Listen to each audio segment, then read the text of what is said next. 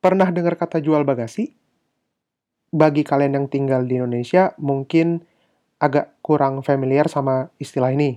Namun bagi kami yang pelajar di luar negeri, ini udah jadi kata kunci buat kita nitipin barang ke teman kita yang lagi liburan atau misalnya yang mau ke Indonesia.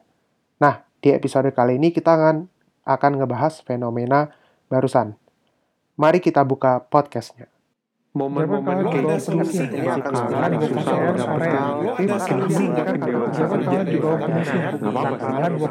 Korea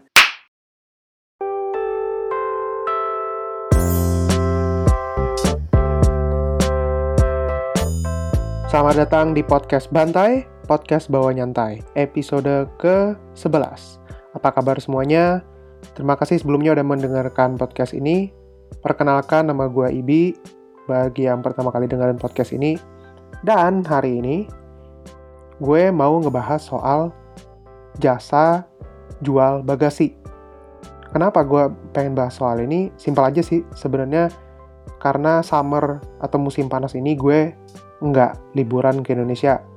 Makanya topiknya pas banget nih, karena kebetulan juga di grup Facebook PPI Jerman pun juga lagi banyak yang nawarin jasa ini mungkin buat kalian sedikit nggak familiar tapi gue juga pengen setidaknya ingin memberikan informasi. Ya meskipun ini kan bawa nyantai. Ya gue juga pengen lah ngasih informasi ini juga nyantai gitu loh. Artinya kalian kalau dengerin ini paling nggak dapat ilmu juga lah kali-kali gitu. Ya kan? Nah gue ngebahas ini pun juga apa pakai riset tentunya. Dikit dikit sedikit gue nemu artikel ini dari website Daimka namanya.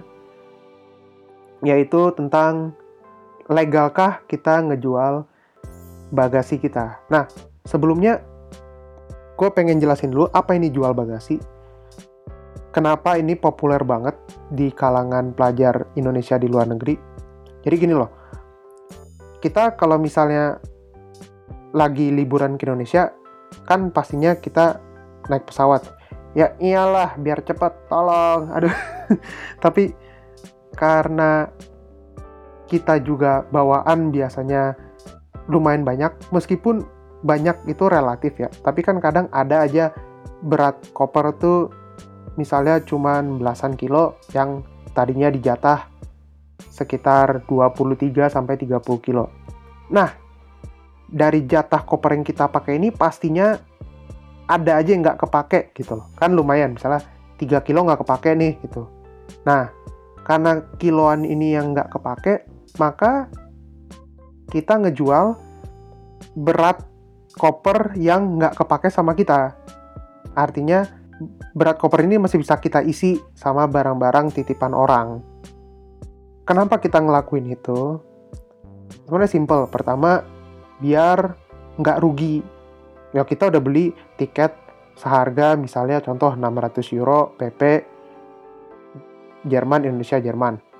Nah, setiap kita terbang itu kan udah dapat jatah 30 kilo. Biasanya 30 kilo, tapi ada yang lebih dikit, 23 misalnya. Ya biar nggak rugi sekali, sekaligus juga memaksimalkan jatah koper kita makanya kita jual itu ke orang yang membutuhkan lah. Meskipun gue sendiri sebetulnya nggak pernah ngejual bagasi gue karena emang gue sendiri barang udah lumayan banyak belum titipan dari keluarga kadang ada yang emang gue pun suka rela aja dititipin asal nggak lebih dari berapa kilo gitu. Nah jasa titip atau jasa beli bagasi ini pun awal-awalnya populer karena obrolan di Facebook PPI. Ya mungkin nggak tahu dari mana tapi di PPI Jerman pun lumayan rame lah. Berawal dari orang yang pengen ngirim barang ke Indonesia atau kayaknya sebaliknya deh, pengen ngirim barang ke Jerman butuh cepat. Kenapa? Karena biasanya kalau kirim contoh dari Jerman ke Indonesia itu kan pakai DHL kurang lebih paling cepat satu minggu. Atau bahkan dua minggu lah paling cepat itu kan udah lama. Sementara mungkin barangnya butuh atau urgent lah ada urgensi untuk segera diterima. Nah jual bagasi inilah yang nutup gap atau jarak ini. Awalnya sih kalau ngelihat dari obrolan PP Jerman tuh di PP Jerman tuh sebenarnya cuman dititipin dikit paling 1-2 kilo gitu. Dan yang mau nitip ini biasanya bayar ke orang yang nantinya ke Indonesia atau sebaliknya gitu. Ya bayarnya waktu itu nggak tahu berapa. Karena ini ada yang baca peluang bisnisnya nih sekarang dimanfaatin sama orang-orang yang mau ke Indonesia liburan gitu. Dengan dalih eh gue ada space kosong nih gitu. Gue jual per kilo biasanya 10 euro gitu. Dan 10 euro ini artinya bener-bener per kilo gitu. Kalau beratnya satu kilo ya berarti 10 euro gitu. Karena biasanya kalau kita kirim pakai internasional atau lewat ekspedisi kayak apa kayak itu mahal. Biasanya mungkin 15 euro atau 20 euro. 10 euro ini udah termasuk kayak harga paling murah lah gitu. Ada yang juga kadang karena cepet atau misalnya mereka bilang ya gue nggak butuh duit banget lah pun ini 7 sampai 8 euro lah per kilo. Sistemnya tuh begini. Si orang yang mau ke Indonesia ini mereka udah packing terus atau misal belum packing mereka cuma bilang gue ba cuman bawa 25 kilo nih gitu. Gue ada 5 kilo yang bisa dititipin gitu. Ya gue jual per kilonya 10 euro belum sama ongkir di Indonesia gitu kalau ada PM ya gitu. Personal message ke gue kayak gitu di PP Jerman. Nah ya udahlah. Akhirnya banyak tuh yang make. Awalnya tuh dari mahasiswa mahasiswi Indonesia yang liburan ke Indo. Eh lama-lama pun juga orang yang bukan mahasiswa pun manfaatin jasa ini untuk jasa menitip menitip atau jasa jual beli bagasi inilah gitu. Kita jual jual beli bagasi saking banyaknya atau saking banyaknya orang yang pakai ini tuh sampai-sampai ada developer dari Indonesia kalau nggak salah dari Bandung itu dia bikin aplikasi juga loh.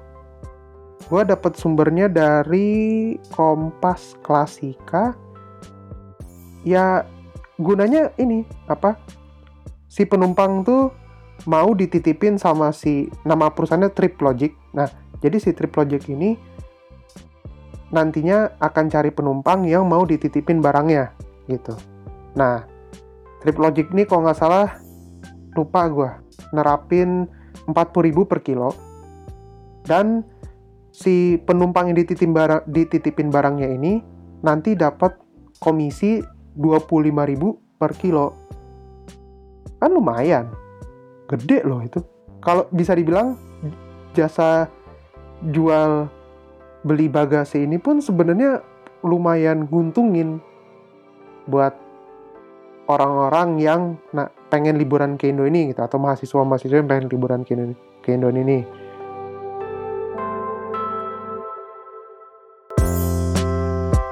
Nah, di sini akan gue jelasin keuntungan dan kerugian dari jasa titip atau jasa jual beli bagasi ini.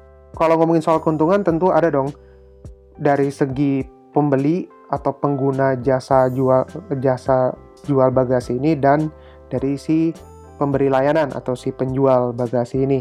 Apa sih keuntungannya? Kalau dari segi pembeli itu tentu saja lebih murah yang tadi udah gue bilang kemudian lebih cepat lebih cepat dalam artian gini loh misalnya si penjual bagasi ini ngasih batas waktu 2 hamin 2 sebelum dia berangkat ke Indonesia. Berarti kan dua hari dari situ. Nanti dia nyampe taruhlah berarti dua hari lagi udah empat hari. Habis itu bisa langsung dikirim ke alamat tujuan. Jadi cuman butuh kurang dari satu minggu udah nyampe. Lebih cepat dibanding kalau kirim lewat ekspedisi internasional. Yang paling nggak paling cepat satu minggu atau sampai dua minggu untuk Indonesia.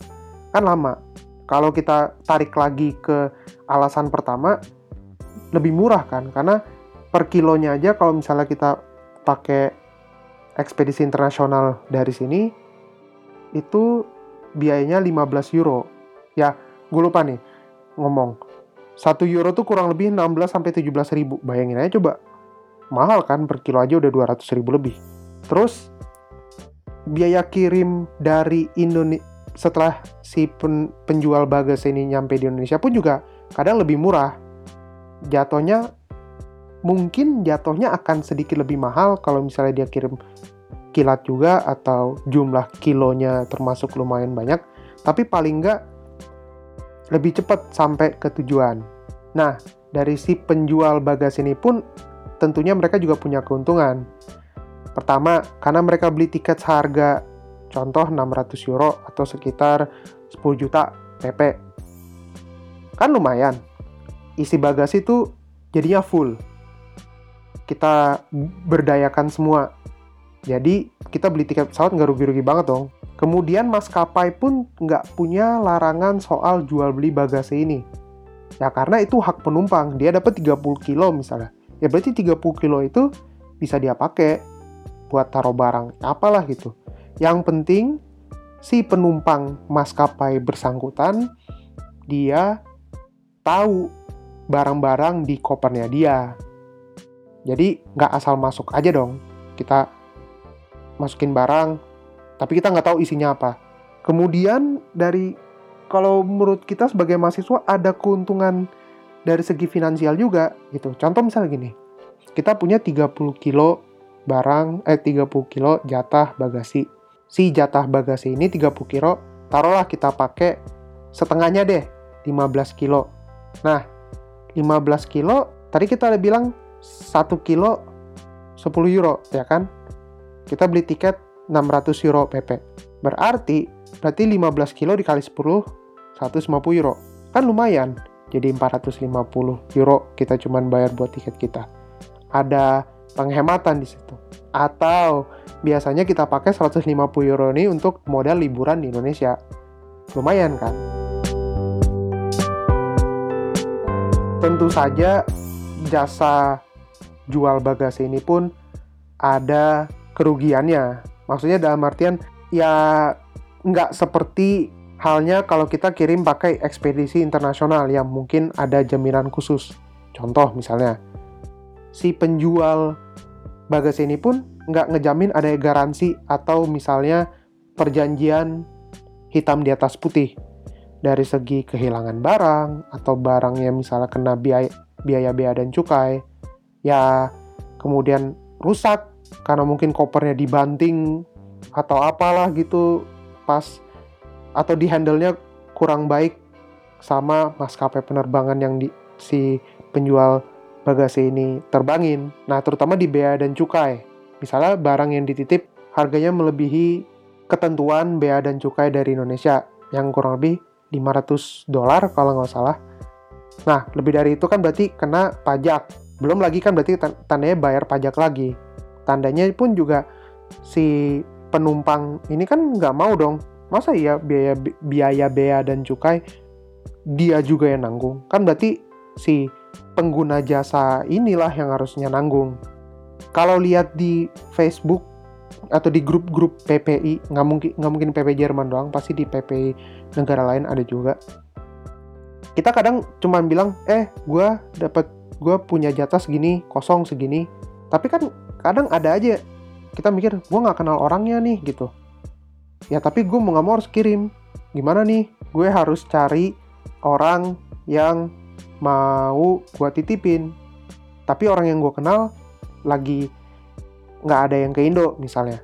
Ya udahlah gue titip ke orang ini gitu orang si A. Kita tuh kadang juga jadi mikir duh dia udah ngirim belum ya? Gitu. Mau nggak mau jadi kita harus selalu kontrol udah di mana? Gitu. Ya saya baru mendarat di Indo kata si penjual A. Terus kita jadinya kayak agak was-was gitu. Takutnya duh di, beneran dikirim gak ya sama dia? Gitu. Udah dikirim belum ya? Gitu jadi kita selain bikin orang ini agak susah karena harus nurutin kemauan kita, ya jadinya kita juga was-was sendiri gitu.